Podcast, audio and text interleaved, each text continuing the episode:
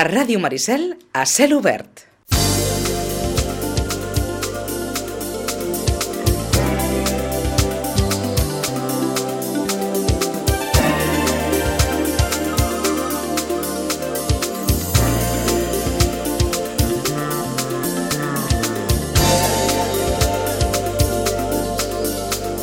Vinga, va, comencem. Hora d'Europa. Uh, Joaquim Millán, bon dia. Molt bon dia. Uh, ple juliol, última hora. Vinga, va, llegeixo del mòbil, eh? La justicia europea multa a España con 3 millones por la reforma tardía de la estiva. Au. Cata, cataclac i zasca. Cataclat i zasca, alhora. Uh, això ve de Brussel·les, també. com, com els musclos amb patates. Uh, Joaquim, mm, Espanya aquesta setmana de fet sortia, si no recordo malament l'estadística, l'he vist en algun lloc, que Espanya és precisament el país més multat per Europa. Sí, correctament. És el país més multat per la Unió Europea, per tant és el país que incompleix més el que hauria de complir, perquè, entre altres coses, quan es deixen coses de Brussel·les, evidentment, com els altres 27 estats, Espanya és un estat membre de la Unió Europea i per tant prenen les decisions, prenen les decisions allà en coneixement dels 27 estats i per tant dels governs dels estats i més això doncs, genera certa curiositat o una mica de dir, bueno, no, no, no, no acabem de fer els deures perquè clar, després resulta que som els que, els que més incomplim. De tota manera, a mi això que em, em molesta molt i trobo una mica eh, o, una, o, o bastant impresentable, a mi el que em fa més mal és quan eh, a vegades sents els ciutadans que llegeixen aquesta mateixa notícia que tu has fet, inclús ara l'hauran escoltat aquí molta gent eh, del Garraf, sitgetans i sitgetanes, i, i l'hauran sentit com una cosa més, no? quan resulta que aquesta multa que paga l'estat espanyol la paguem dels nostres impostos. Jo crec que s'haurien d'estar preocupats, dir, bueno, què s'està fent malament que estem pagant multes mm, a dojo de coses que s'estan fent malament perquè no complim el, el que des de Brussel·les, a directiva, reglaments, etc s'exigeixen al resta de, a, a tots els estats membres. No? Per tant, jo demanaria també explicacions dels responsables polítics i tècnics de, de cada un d'aquests casos de per què es van fer malament les coses, perquè al final resultarà que això sembla que sigui fer malament les coses és gratis, no? Uh, una pregunta. Uh, no complim perquè apliquem malament les lleis o perquè tenim les lleis malament? Bueno, hi ha dues qüestions, no? Hi ha, primer, hi ha, hi ha la possibilitat de que hi ha eh, legislació comunitària d'aplicació directa en els 27 als 28 estats i després hi ha legislació comunitària que es transposa, que vol dir que s'adapta, eh, és a dir, l'ànima d'aquella legislació eh, eh, o aquella disposició eh, es manté comú als 28 estats eh, i eh, cada estat l'adapta a la seva idiosincràsia, característiques i legislació sense, eh, diguem-ne, mm, eh, trencar el, el que seria la, la, la, la, la, la part comuna, no?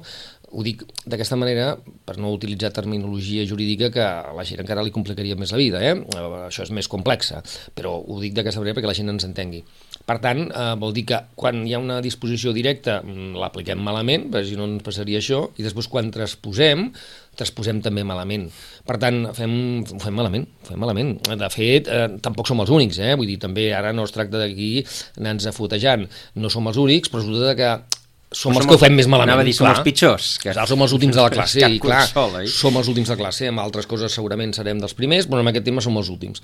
I a mi, que siguem els últims de la classe, em molesta amb aquesta qüestió que, que sempre doncs, anem dient que s'ha de complir la llei, que hem de complir això, que si això no està a la llei és il·legal, il·legal i no sé quantes coses més, i resulta que dones, eh, és com sempre, no? quan comences a donar certes lliçons morals, eh, tu t'ho has de mirar molt bé perquè, clar, aquí, aquí allò que algú, el que, el que hagi fet alguna cosa, eh, allò de llançar la primera pedra, aviam qui la llença primer, no? Per tant, jo segueixo dient que ens ho hem de fer mirar molt, que això de la Unió Europea és seriós, tant per la ciutadania com per les administracions, també com la classe política, i que no podem començar a fer una cosa que fa temps que s'està fent i a mi també em molesta molt, que és eh, aquest ús, mmm, diguem-ne, d'Europa de, de, d'una manera cínica, no? És a dir, Europa, quan ens interessa, està molt bé, quan ens interessa la culpa ve de Brussel·les sempre, etc. I sobretot, Mm, aquesta actitud que també per manca de pedagogia que s'ha fet a la ciutadania, com que això d'Europa no va amb mi, eh, però bueno, resulta que aquesta multa la pagarem dels nostres impostos i a mi m'agradaria fer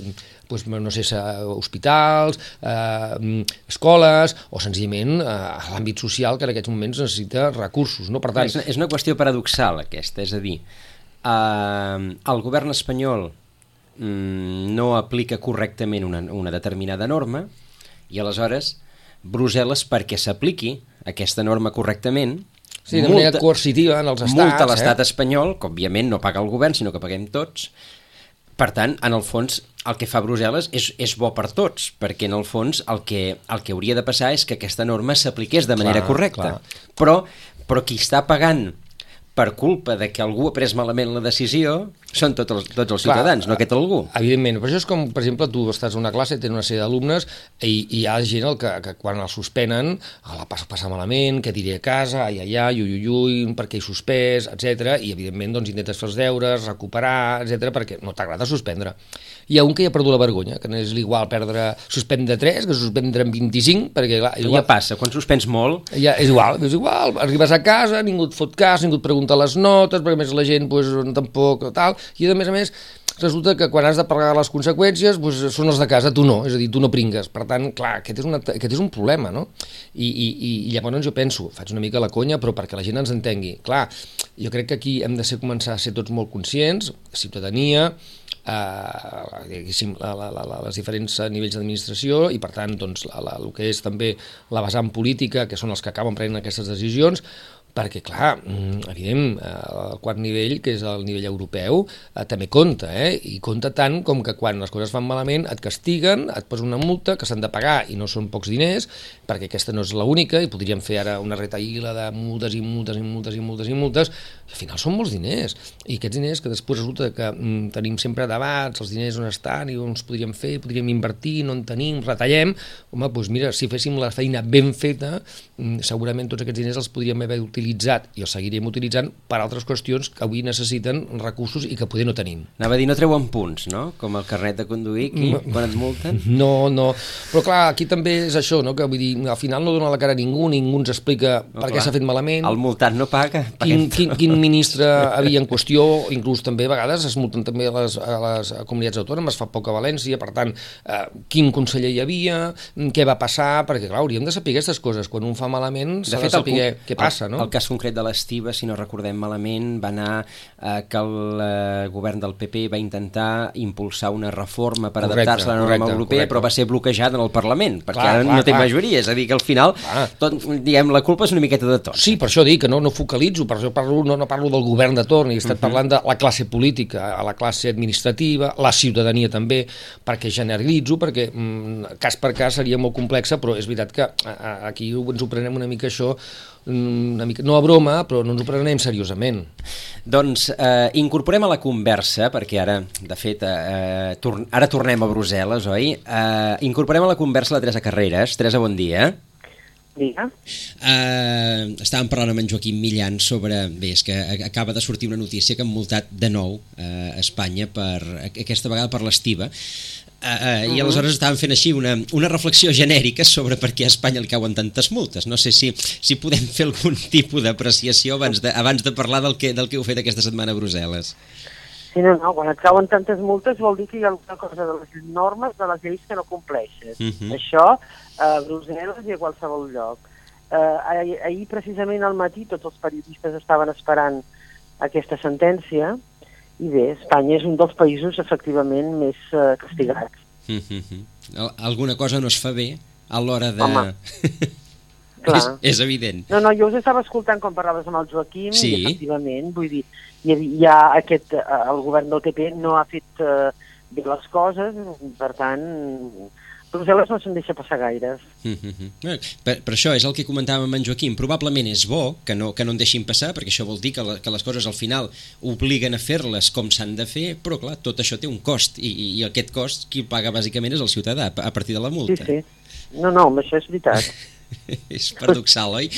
Bé, eh, aquesta setmana heu anat a Brussel·les, Joaquim. Sí, hem anat amb una, una, una representació de la xarxa d'entitats europeistes de Catalunya, concretament també eh, hem coincidit a- amb la Teresa aquests, aquests dos o tres dies a, a Brussel·les, eh, i ella us pot explicar millor que jo, perquè també ho puc explicar-ho jo, però crec que ella ho farà molt millor, eh, explicar el que s'ha fet, el per què hem anat i quins objectius hem tingut aquests dies allà, que de fet és interessant que la gent conegui doncs, que també a Catalunya hi ha una societat civil europeista, organitzada, que hi ha diverses entitats, bastantes, i poder sobte a nivell europeu, doncs aquí a Catalunya, que n'hi ha més que altres, altres a bandes, no sé si a vegades també és bo o dolent, no? però sí que hem aconseguit fer una cosa que crec que és bona, que és juntar esforços, eh? perquè aquí a vegades som molt, molt masses bolets i després eh, poc esforç conjunt, i jo crec que la, la, la gràcia o la, o la part bona, de, que n'hi ha moltes, però la part principal bona d'aquesta xarxa és justament uh, unir esforços. I Teresa, ens agradaria que ens expliqués una mica doncs, què, què hem fet conjuntament allà i perquè la gent ho entengui. Has, jo crec que has definit molt bé, vull dir que no cal que parli molt, però realment l'objectiu fonamental era eh, unir esforços. I qui ens ho ha permès? El diputat, l'eurodiputat, el senyor Francesc Gambú, que ens va suggerir, ens va dir Uh, si voleu, uh, podeu venir al Parlament Europeu, veureu com es fa una sessió, veureu una mica com és el Parlament Europeu, que molts de nosaltres ho coneixíem ja, però com que sempre hi han coses noves, doncs sempre és molt millor poder discutir amb els propis funcionaris. El senyor Tonorovich, eh, bon amic meu, doncs ens va, ens, ens va explicar les, les novetats que hi ha en el Parlament Europeu. Com tu deies, doncs, en aquest cas doncs, vam ser Fundació Catalunya Europa, Max Vives Fierro i l'Aina Amat, tu mateix pel Consell Català del Moviment Europeu, en Víctor López per Horitzó Europa i la Dolors Grau per Adisec, i jo per l'Associació de Periodistes Europeus de Catalunya. És a dir, de, també s'hi va afegir el president d'Horitzó Europa i alguns membres més, però que ells ja viuen allà a Brussel·les i per tant no van haver de fer el viatge expressament. Sí, sí i vam fer una representació doncs, eh, interessant. Vam anar a veure Acció, Acció és la part doncs, de comerç exterior, exterior de la Generalitat, i això és molt interessant, perquè realment és molt interessant veure com a Barcelona, a Catalunya, hi ha un, un teixit empresarial de petites startups que necessiten molt aquest tipus de d'expulsament que els dona el govern per externalitzar-se uh -huh. i vam coincidir amb un grup de nois d'un institut, em sembla que era de Gavà i de Viladecans, d'uns instituts de, de Gavà i Viladecans que havien guanyat un premi eh, un segon premi que havia organitzat qui, la gent mateix, em sembla? No, era una, més un premi que era mm, de talent, eh, que sí. havia organitzat una, eh, una associació, l'interessant és que havia fet una associació d'empresaris de, i comerciants del Baix Llobregat conjuntament Exacte, amb la Universitat sí. La Salle, te'n recordes? I això era interessant sí, perquè al final eh, de tot això havia poca administ... havia, havia administració darrere, però no havia...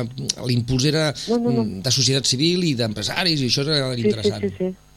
És, és a dir, que, que podríem dir que, que és gairebé uh, l'interès de, de l'empresa, que sempre, que sempre hi serà, òbviament, l'interès de, de buscar el comerç, el que uh, pot tirar una mica endavant aquest, aquest projecte uh, europeu encostipat, per definir-lo d'alguna manera. Sí, no, no només aquest, però aquest és un d'ells. No uh mhm. -huh. només aquest, però aquest és un d'ells i a més a més a Catalunya, com que som en general un país emprenedor, doncs no va costar gaire trobar aquests eh, joves, perquè realment eren joves, eh, no sé si tenien sols 20 anys, que realment van fer uns eh, premis interessants i a més a més van venir uns empresaris que van explicar mm, d'una forma directa eh, els problemes que tenen per, per eh, externalitzar-se i per buscar noves, nous reptes en mercats exteriors, no?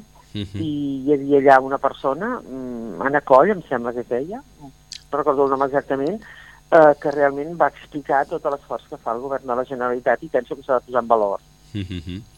Perquè... Eh... Home, jo, jo més que... Jo dic, això que acaba de dir la Teresa és molt interessant, perquè eh, inclús la Teresa i jo, que hem estat a la delegació del govern de la, de la Generalitat de Catalunya la tira de vegades, cada vegada que hi vas te'n dones compte que ja hi ha una sèrie de gent treballant amb un esforç constant i que te parlen d'iniciatives que potser a vegades poden vindre de Barcelona, però a vegades poden vindre de qualsevol petit poble de, de Catalunya, de municipi, que gent que té una idea, que s'ha anat allà, que té una petita empresa, que està exportant, ens deien l'altre dia, te'n recordes, Teresa, doncs la quantitat de petites marques eh, de, diguéssim, de caves i vins que gràcies a que fa 3 o 4 anys la Generalitat fa com un, un dia dedicat, a un parell de dies dedicat a, a exposar i a promoure i a vendre i a explicar pues, aquestes petites eh, empreses eh, i, i de, cava i vins que, bueno, que, que han millorat molt la seva internacionalització, la seva exportació via Brussel·les, però també via Brussel·les, però per tota la Unió Europea, no?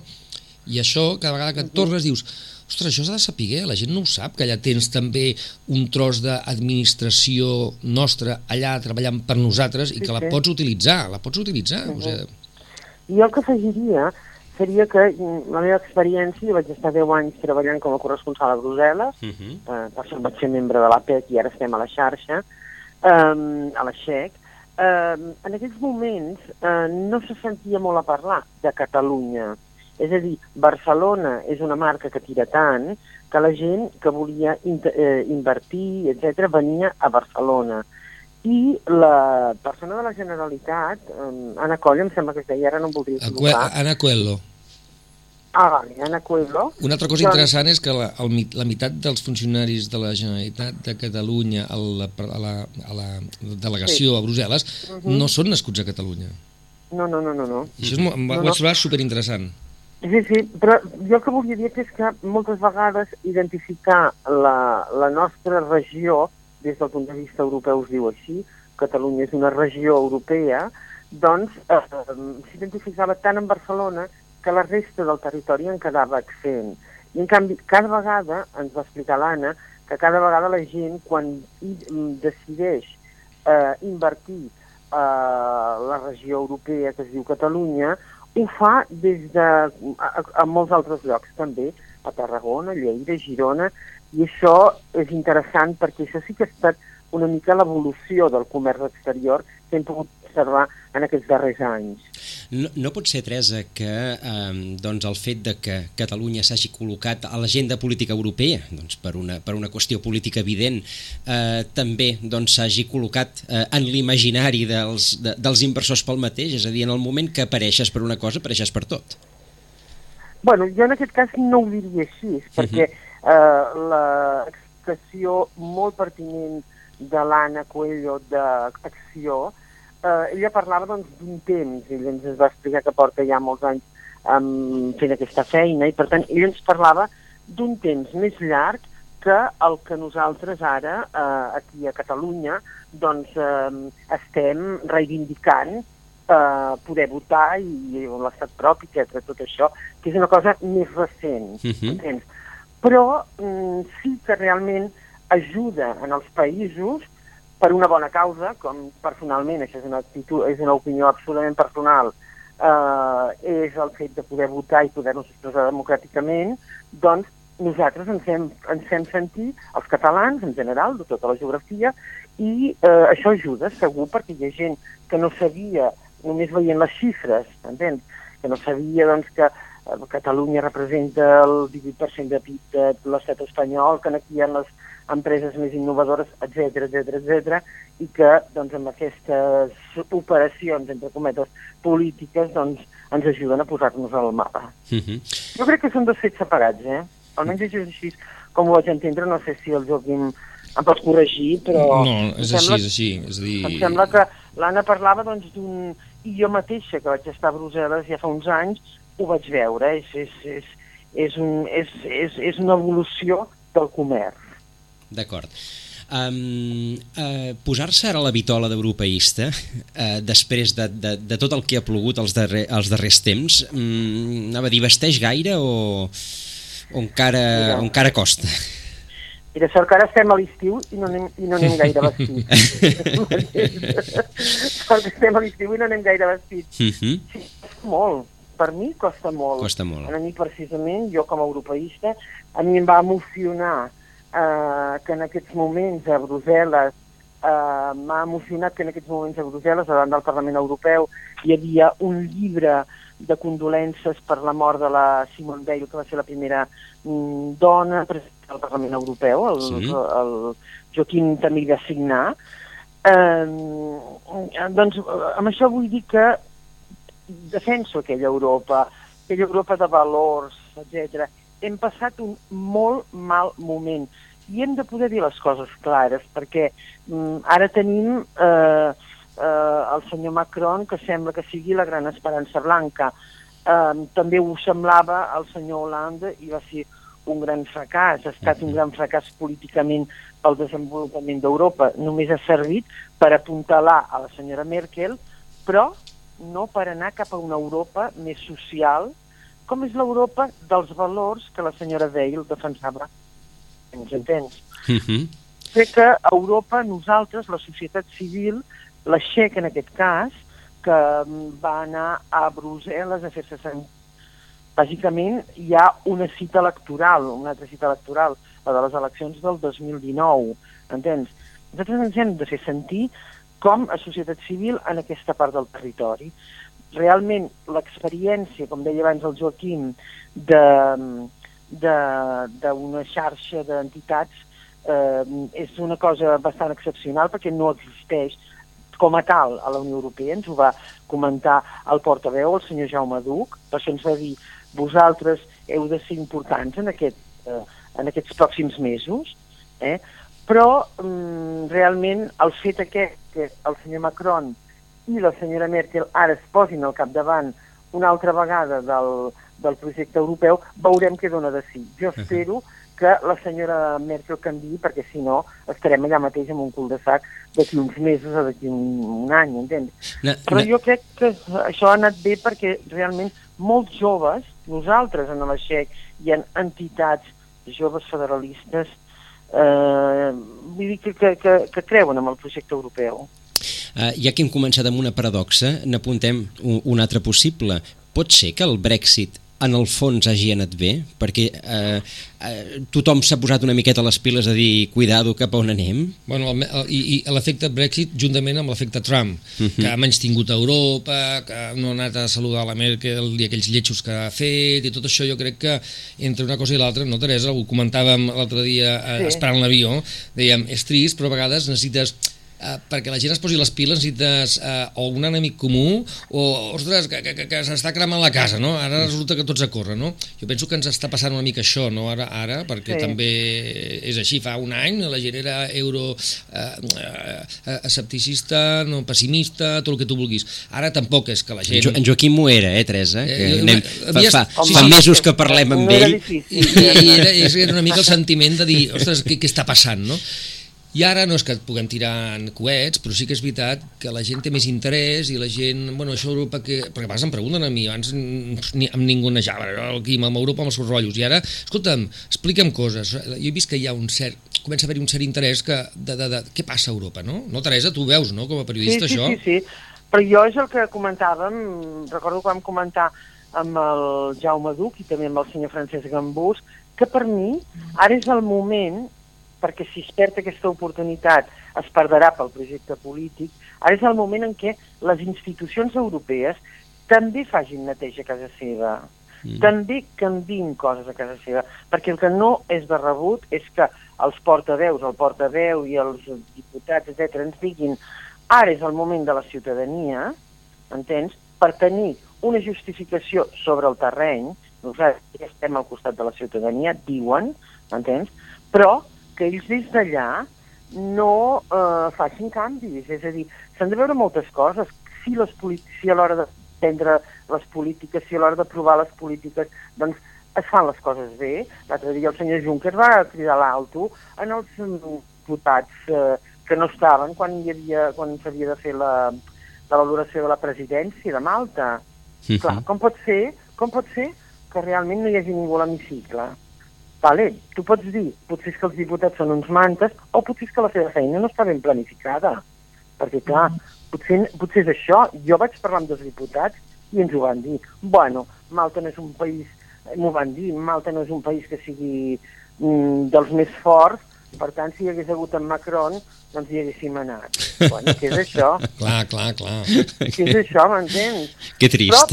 Però, però jo penso que potser la feina no està ben planificada. Quan jo estava a Brussel·les, els eurodiputats més va- valorats eren aquells que tenien no una setmana al mes, dues o tres o molt d'estona que estaven en la seva demarcació. Entens? Estil com fan a Anglaterra.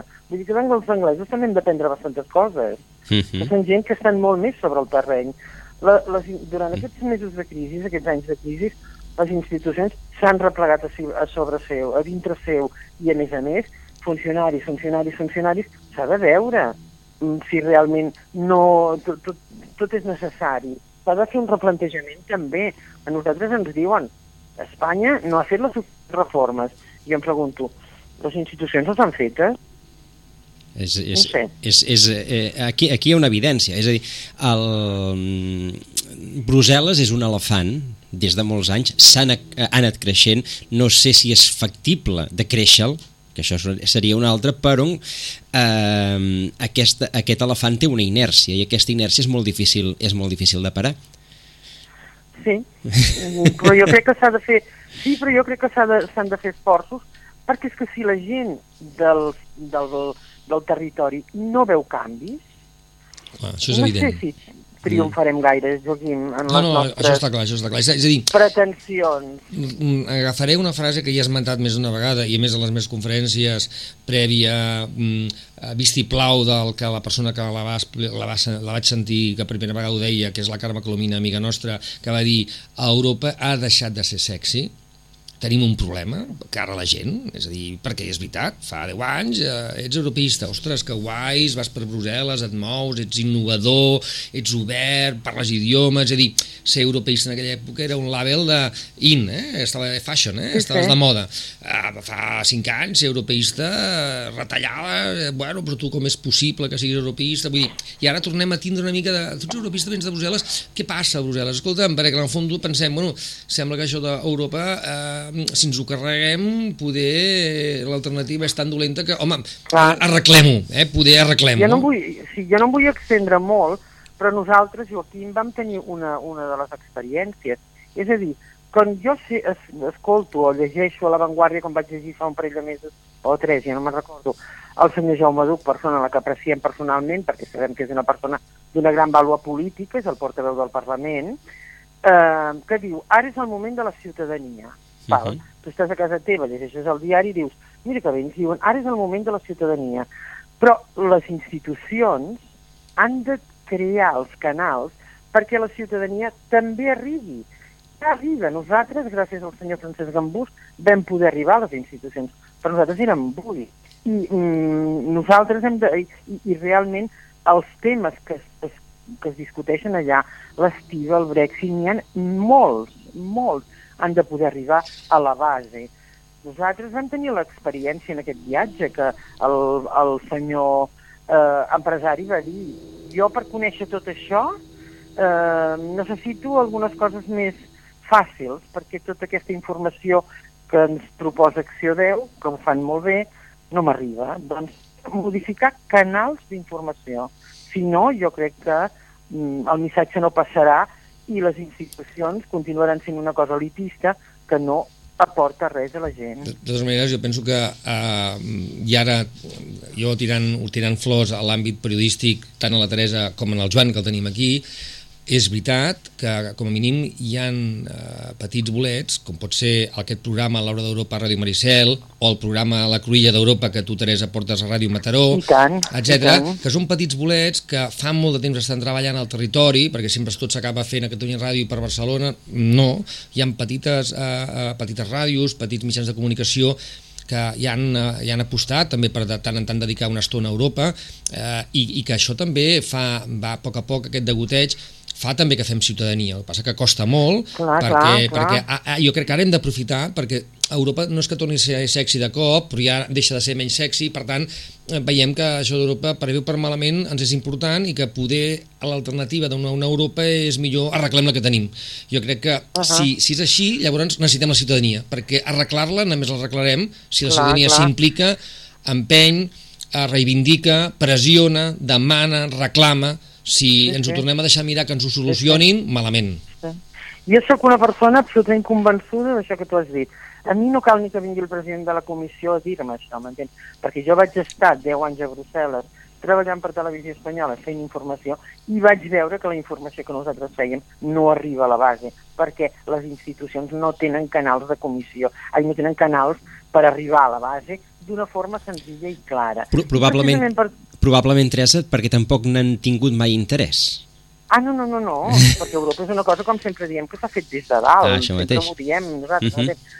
I aleshores, precisament per això, quan es va, fa 11 anys que es va crear la Mataró Ràdio aquí, que és una de les, de les emissores associades a la xarxa, jo vaig dir, va, Teresa, fes un programa sobre Europa. I fa 11 anys que el faig jo amb un grup de, de, de periodistes interessants, vull dir, i, d'això. I nosaltres hem demostrat que no és que calgui fer res especial per arribar a la ciutadania, simplement cal agafar la ciutadania, perquè la nostra ciutadania, la gent de Mataró o la gent d'altres mm, comunitats, eh, d'altres mm, eh, ciutats de Catalunya, són gent que poden opinar perfectament sobre qualsevol tema europeu, sobre qualsevol tema europeu, i per mi això és lligar local amb l'institucional.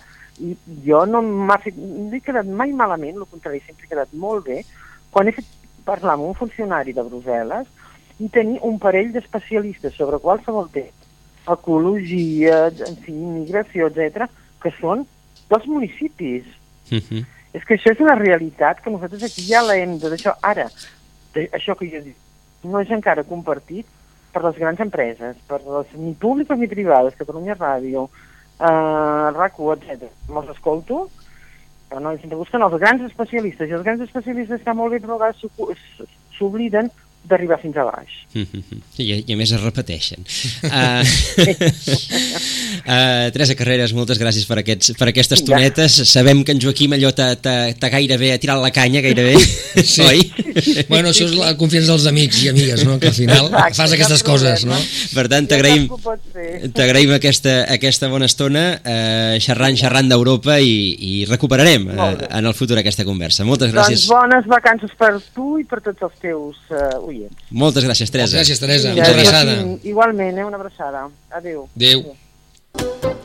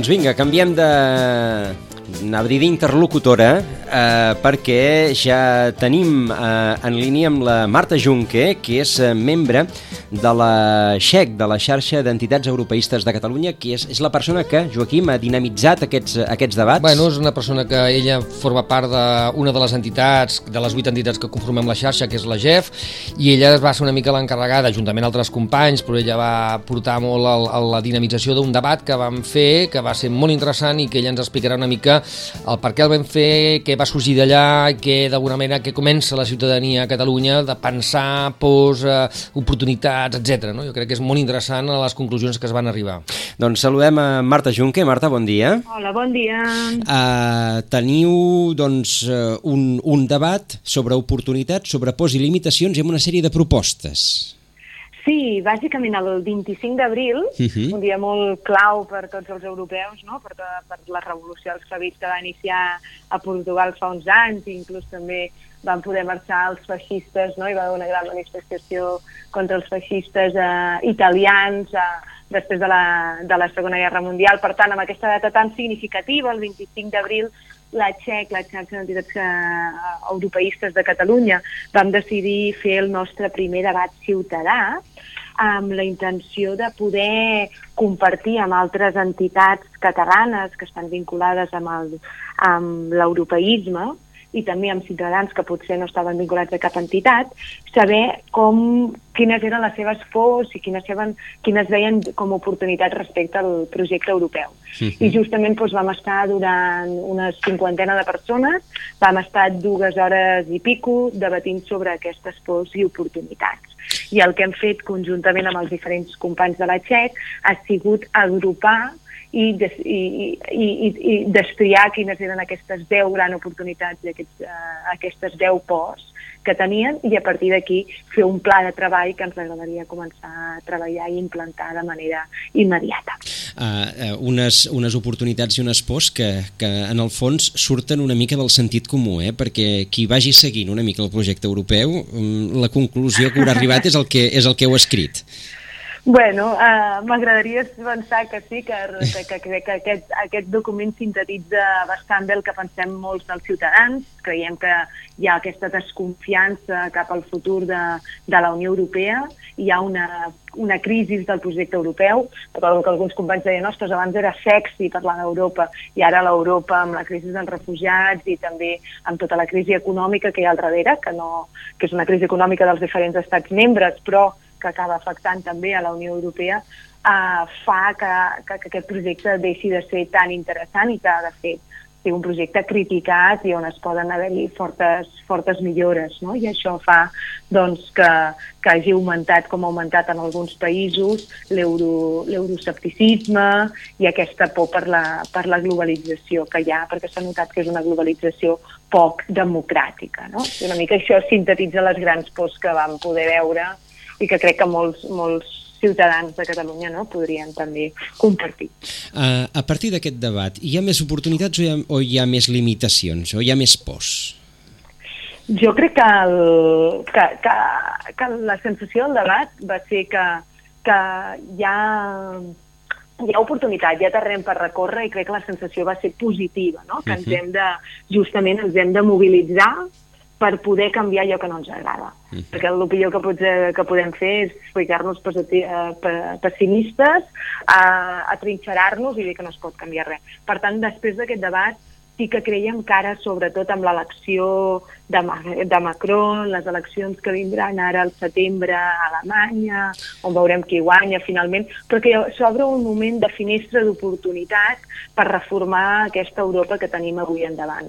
I també això s'emmarca amb aquest discurs que la Comissió ha començat a treballar, que és el, obert el debat del llibre, del llibre blanc, on, porta, on proposa diferents escenaris de futur per la Unió Europea. Per tant, creiem que ara és un moment clau, hi ha una oportunitat clau sobre la taula i serà així fins al proper, potser fins al proper any o com a molt fins a les eleccions europees que hi haurà el 2019 per reformar uh, la, la, la Unió Europea no? i aquí volem que la societat catalana en, doncs, hi pugui aportar. Ens estem agafant a Macron com un ferro roent, eh?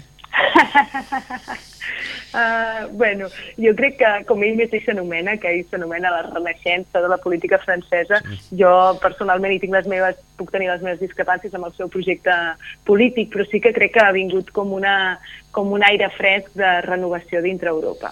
Ara haurem de veure realment amb què es consolida aquest projecte que vol renovar, però sí que és cert que un dels motors de la Unió Europea sempre ha sigut eh, França i que és important doncs, que la seva campanya l'hagi hagi basat la seva victòria defensant que s'havia de, de canviar aquesta Europa.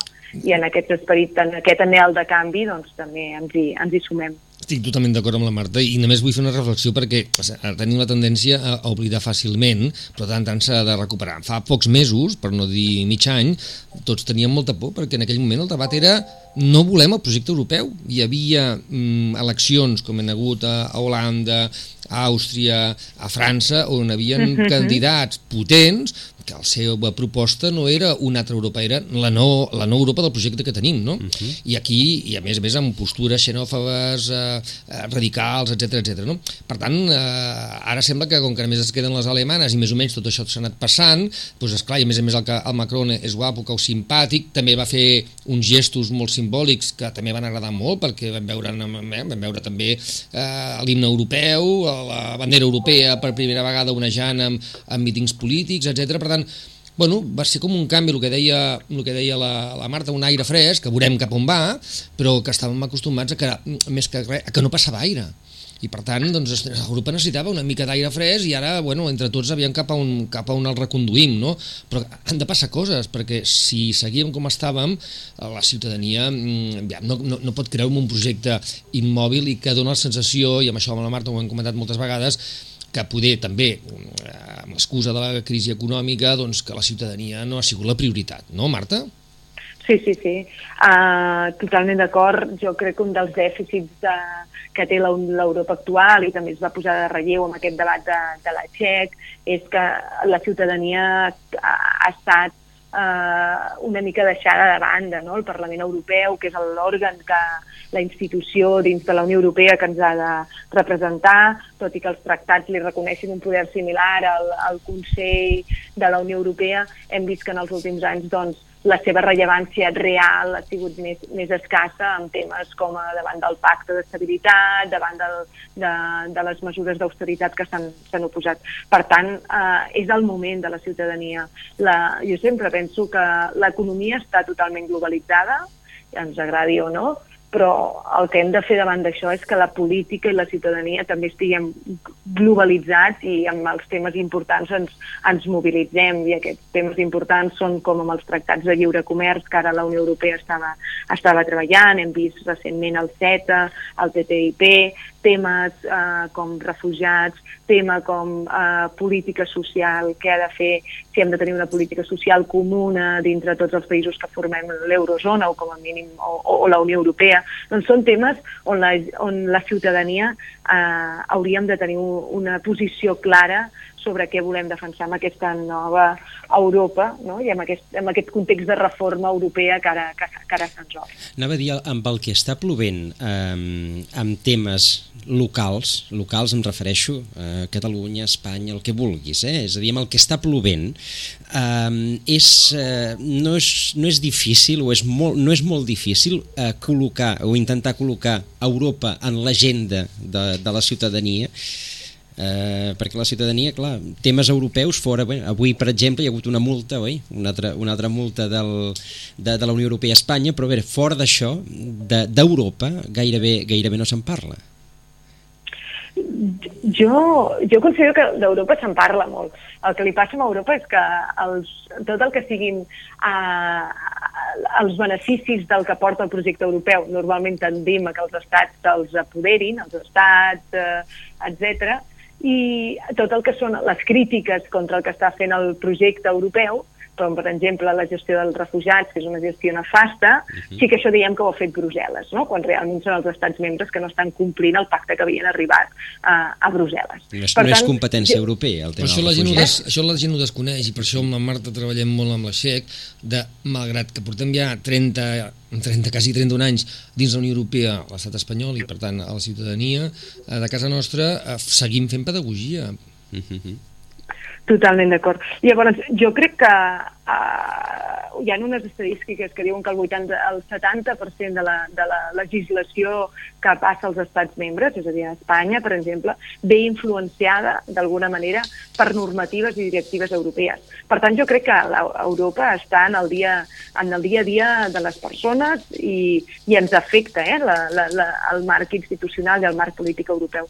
Ara el que hem de fer, justament com molt bé apuntava uh, en Joaquim i a una de les línies de treball que volem treballar des de la Txec, és ajudar a informar i a, i a donar més informació a la, tota la ciutadania sobre què és Europa, com funciona i quines polítiques t'impacta de les que fa la Unió Europea. I aquí podem parlar, com les que ja hem citat fins ara, refugiats, tractats comercials, però també en temes com el roaming, no? que la setmana passada, o la multa que s'ha ficat a Google.